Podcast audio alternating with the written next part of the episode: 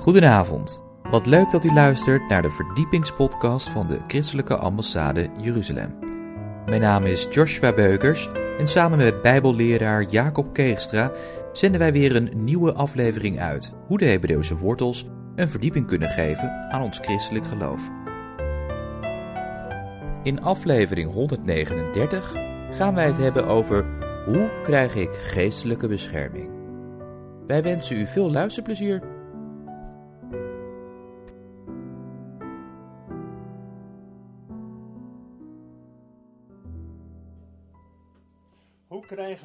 Geestelijke bescherming in deze tijd?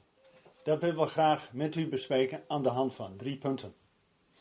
Welkom op een nieuwe lezing van de Christelijke Ambassade over geestelijke bescherming. Want het lijkt wel of als wij van crisis naar crisis gaan. De coronacrisis is nog maar amper uitgewoed, of de Oekraïne-crisis kwam plotseling over ons.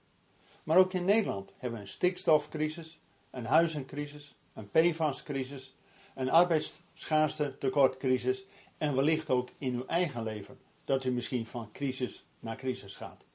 Dat willen we graag met u aan de hand van drie punten uitwerken. Alleen, we beginnen eerst met een voorbeeld. En zoals de Bijbel zegt, alles over Israël is opgeschreven ons tot voorbeeld. Dus we gaan kijken hoe het volk van God ook door deze geestelijke lessen heen ging. Israël was met die uittocht, ja, waar die Pesachmaaltijd gevierd werd, dat ze aten van het paaslam en dat het bloed ter bescherming was. En ze moesten op een bepaalde manier ook die Pesachmaaltijd eten. En dat lezen we in Exodus 12, vers 11. Zo moet u het eten. Uw middel omgord, uw schoenen aan uw voeten en uw staf in uw hand. En u moet het met haast eten, want het is een paascha voor de Heer. Hier zien we al dat Israël voorbereid werd om er weg te gaan. Omgord, omgord met de waarheid. De schoenen aan, zodat ze op missie konden gaan.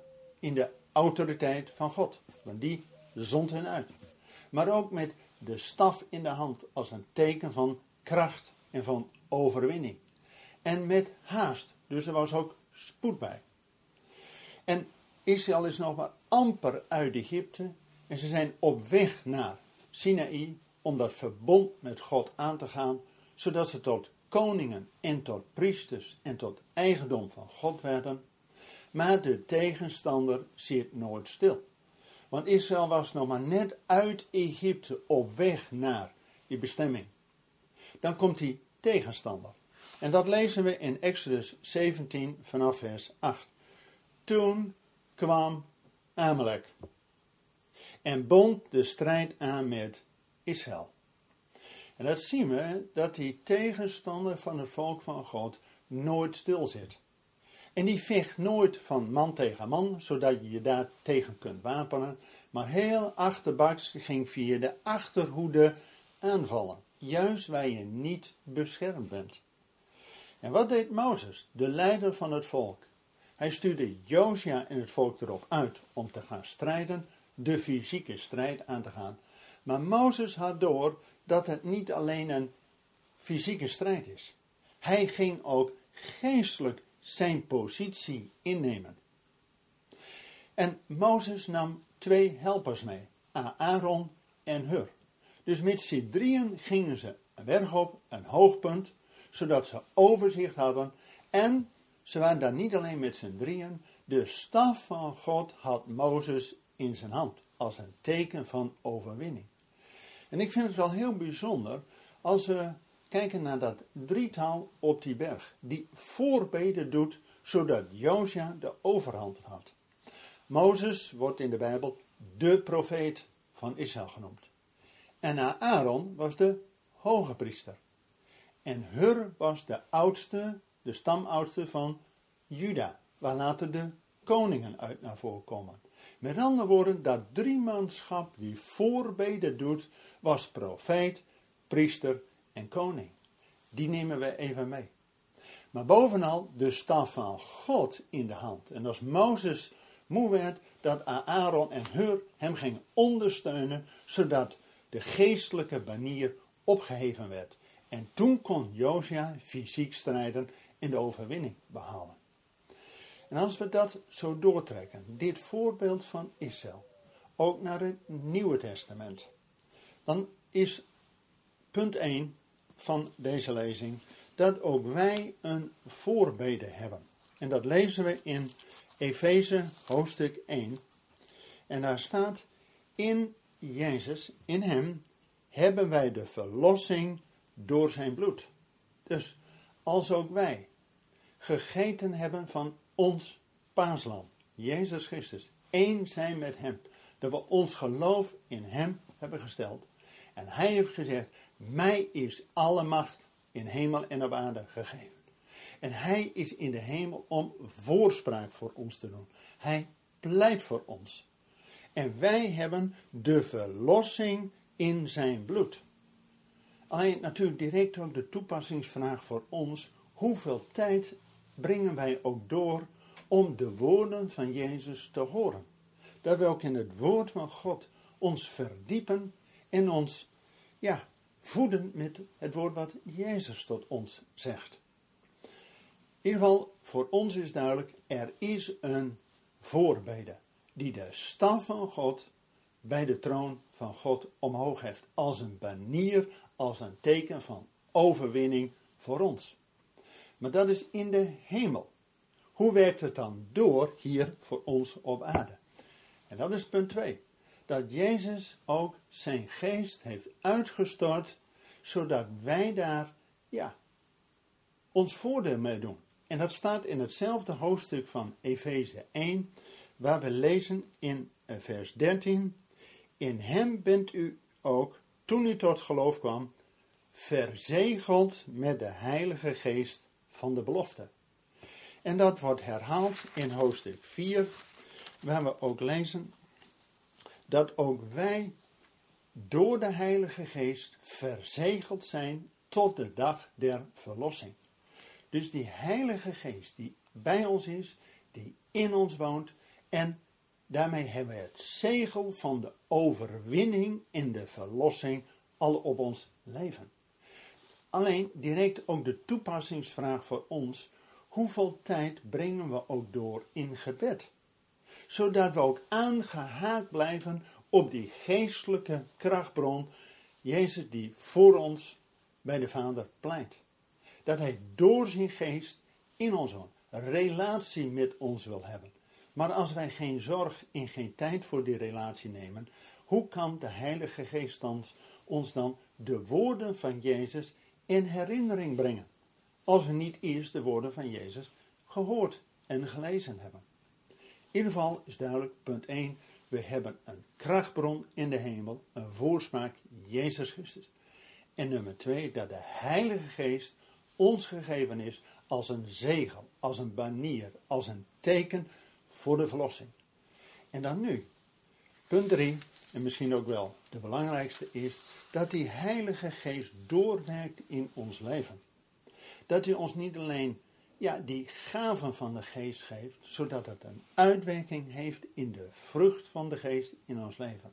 Maar de Heilige Geest reikt ons ook iets aan.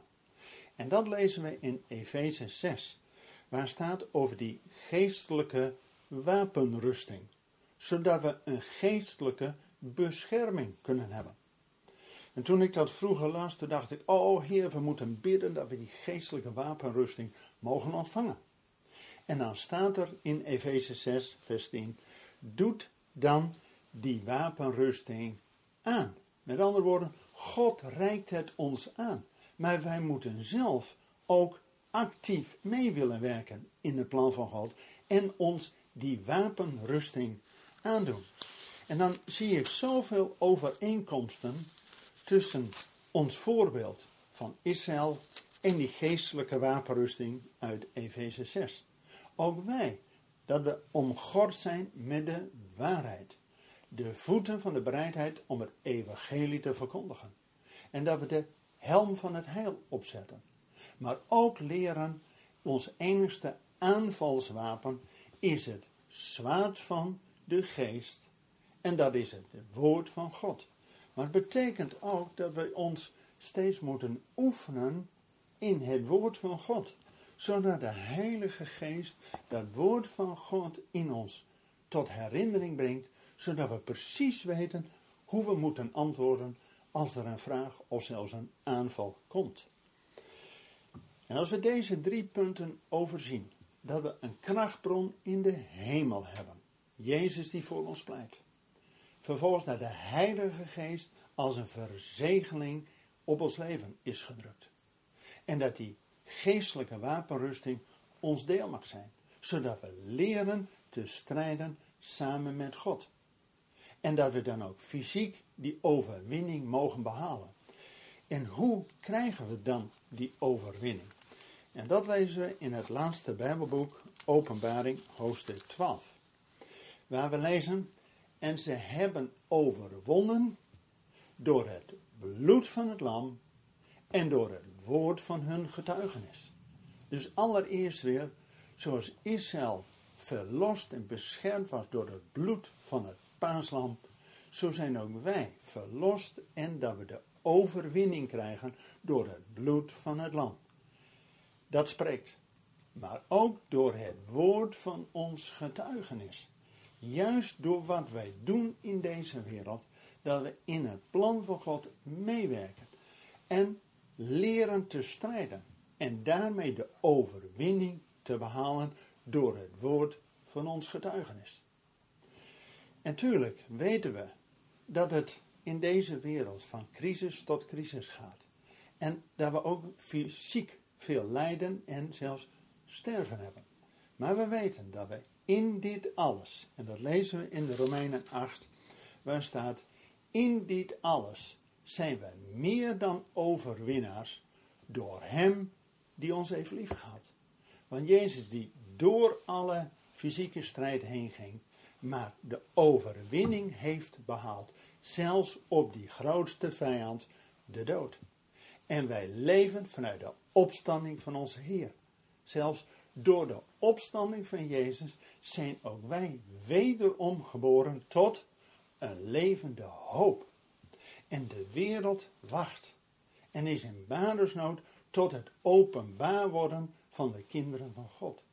En wanneer wij in onze positie gaan staan, die bescherming die God geeft, ons aanmeten en daarmee leren te strijden, zodat we ook samen met Jezus die overwinning mogen behalen. En dat is een uitzicht waar we ja, met Israël mogen beleven. En juist ook dat wij als gelovigen leren ook de ander te helpen. Voor elkaar op de bres te staan. Voor elkaar te leren strijden.